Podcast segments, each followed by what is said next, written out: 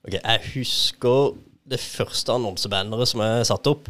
Det var vel helt på slutten av 90-tallet. Kanskje faktisk da hadde bikka 2000. Jeg tror faktisk det var slutten av 90-tallet. Og jeg husker jeg reklamerte for eh, en bedrift i Sverige, eller en butikk i Sverige, som het Snuskungen, eller eh, noe i den duren der, som solgte snus via, via nett. Banneret publiserte jeg på min egen blogg, som eh, da egentlig ikke hadde noen lesere, men tydeligvis så hadde da Snuskungen som en av de få leserne av den bloggen. og ja, han tok faktisk kontakt med meg og lurte på om jeg ville reklamere for Snuskungen. I utgangspunkt så lurte han på om jeg ville lage et annonsebanner, fordi han hadde sett at jeg kunne bruke Photoshop i den tida, og kunne lage annonser. Det var noe han hadde snappa opp, så spurte jeg kan du lage en annonsebanner for meg, og gjerne ha det på bloggen din, så, så skulle jeg få betalt. Eh, og ja, det vil jeg jo veldig gjerne. Eh, men, og betalinga den var ganske interessant, da. For eh, den tida der så fikk jeg, jeg fikk ikke penger for den jobben. Jeg fikk to kilo snus tilsendt i posten. Ja, jeg vet det er mye som skurrer her sånn. Jeg vet det. Uh, ung og kreativ, kan man si det? Jeg vet ikke. Uansett. Den neste annonsen jeg satte opp, den skulle være i 2011. Eh, og da var det en helside i Fedrelandsvennen. Denne gangen så var det en sånn slags takk for oppdraget for et sånn boligprosjekt, eh, hvor da entreprenøren skulle takke alle samarbeidspartnere med logoer osv. Det ble flere avisannonser etter hvert. Og det som var interessant, da, det var jo at det faktisk, eh, da vi kjørte en del annonser, eh, så var det mange ganger at eh, det var salgsannonser. Veldig salgsfokusert annonse, fordi man investerer ganske mye i en helside. Så ønsker man noe tilbake. Og det som var interessant, var at hvis vi kjørte salgsannonser med tilbud, et eller annet sånt, og det kom la oss si 100 besøkende inn i butikken, da, så opplevdes det det opplevdes som en suksess for den som sto bak kassa. For det at det plutselig så var det en lang, lang kø. 100 mennesker i en liten butikk, det, det er ganske mye, det. Og det opplevdes som en uh, veldig suksess. Det som er litt interessant å se på, det er jo at uh, ja, vi massedistribuerte annonser til faktisk, altså Det var jo 100 000 lesere på et tidspunkt her av eh, papirannonsen, av papiravisen. Så effekten med 100 besøkende, som opplevde det som en suksess, og vi var glad for det, for det var 100 stykker som kom og hadde klippa ut avisannonsen fra og kom inn i butikken og, og kjøpte noe. Men det er jo fortsatt bare 0,1% av alle som egentlig fikk denne annonsen, denne avisen. Så hva med resten, da? Hva med de 99,9% som ikke gjorde noe.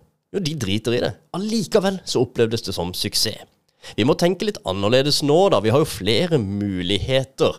For uh, ja, jeg holdt på å si, jeg vet ikke helt uh, om, man, om man kan tenke de samme baner.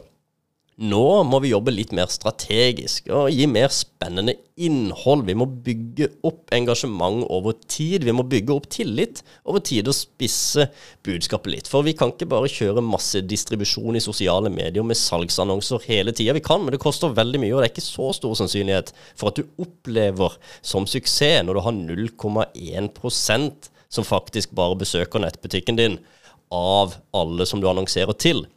Vi må jobbe litt med innholdet, og faktisk gjennom kontinuerlig arbeid og storytelling, som da koster tid eller penger, så må du bygge en målgruppe med potensielle kunder.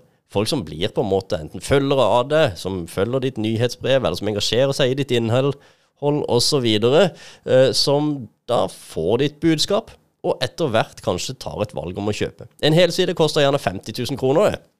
Uh, en vanlig annonse kunne koste ja, helt ned i 2500. Da fikk du en liten sånn rubrikk, husker jeg, bak i avisa. Og så alt Ja, det varierte litt hvor i avisa det skulle være, og hvor stor det skulle være, og alt sammen. Men han kunne ikke målrette annonsene. Det gikk jo til alle 100 000 lesere uansett. Så målrettinga handla jo bare om at ja, hvis vi hadde sportsinnholdet, ja, så putta vi det inn på sportssidene, da. Men vi hadde jo fortsatt distribusjon til alle som var interessert i hele andre ting. Vi kan jo nå selvfølgelig jobbe mer strategisk, men vi må bare huske å gjøre det. Jeg ser jo fortsatt en del annonser som fokuserer på 'nå er det salg'. Altså akkurat som om man skulle klippe ut denne annonsen, komme løpende til butikken og kjøpe noe. Det er salg overalt. Du er i en veldig stor konkurranse akkurat nå. Så det handler om å jobbe mer strategisk i utgangspunktet i digitale medier. Og vi har selvfølgelig muligheten til det, for det er så mye data der ute. Du har allerede en del følgere. Annonser til de. Ikke glem hvem som allerede har valgt å følge deg. Annonser til de som allerede følger din bedrift. Annonser til de som allerede har engasjert seg i din bedrift på Facebook, Instagram, TikTok eller LinkedIn eller hva enn det måtte være. Du kan også lage lookalikes for å treffe til folk som ligner på de som har engasjert seg i din bedrift.